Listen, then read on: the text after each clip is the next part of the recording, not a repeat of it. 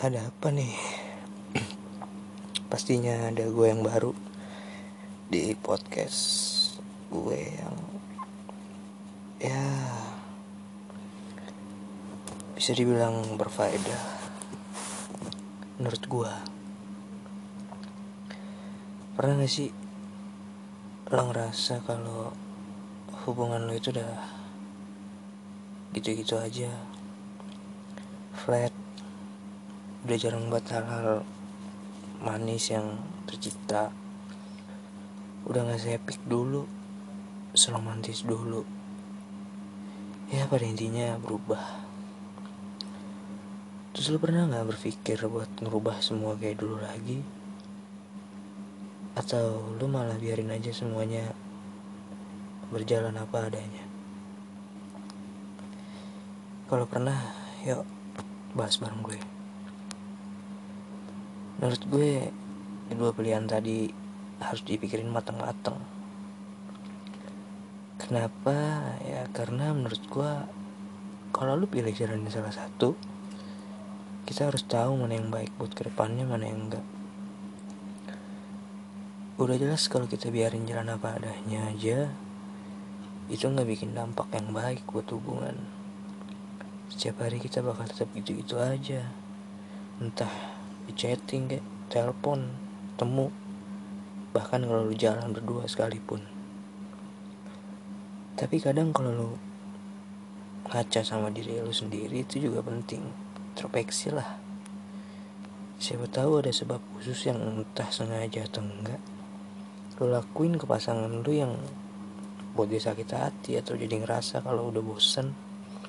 Atau bete jalanin hubungan sama diri lo itu juga bisa jadi salah satu penyebab kenapa hubungan lu sekarang itu kayak gini.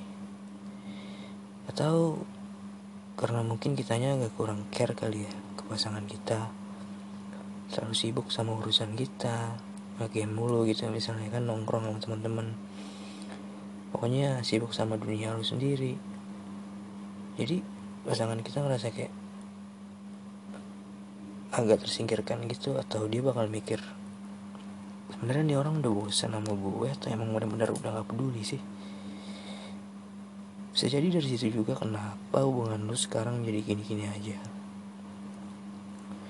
Dan kalau lu biarin aja tanpa ada dobrakan nih ya buat ngerubah semuanya jadi kayak dulu lagi mau sampai kapan juga hubungan lu bakalan flat-flat aja?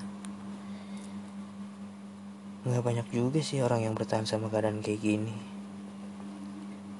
karena semakin lama keadaannya semakin toksik hambar gitu-gitu aja. So sucks man. Tapi ada juga sih yang masih bertahan. Ya gue tahu alasannya. Setia rasa cinta. Atau karena udah terlalu dalam banget gitu perasaannya ke pasangannya. Atau ada alasan lain mungkin tapi bagi gue orang-orang yang bertahan sama keadaan kayak gini keren sih. Kerennya ya karena dia mampu beradaptasi sama perubahan yang terjadi.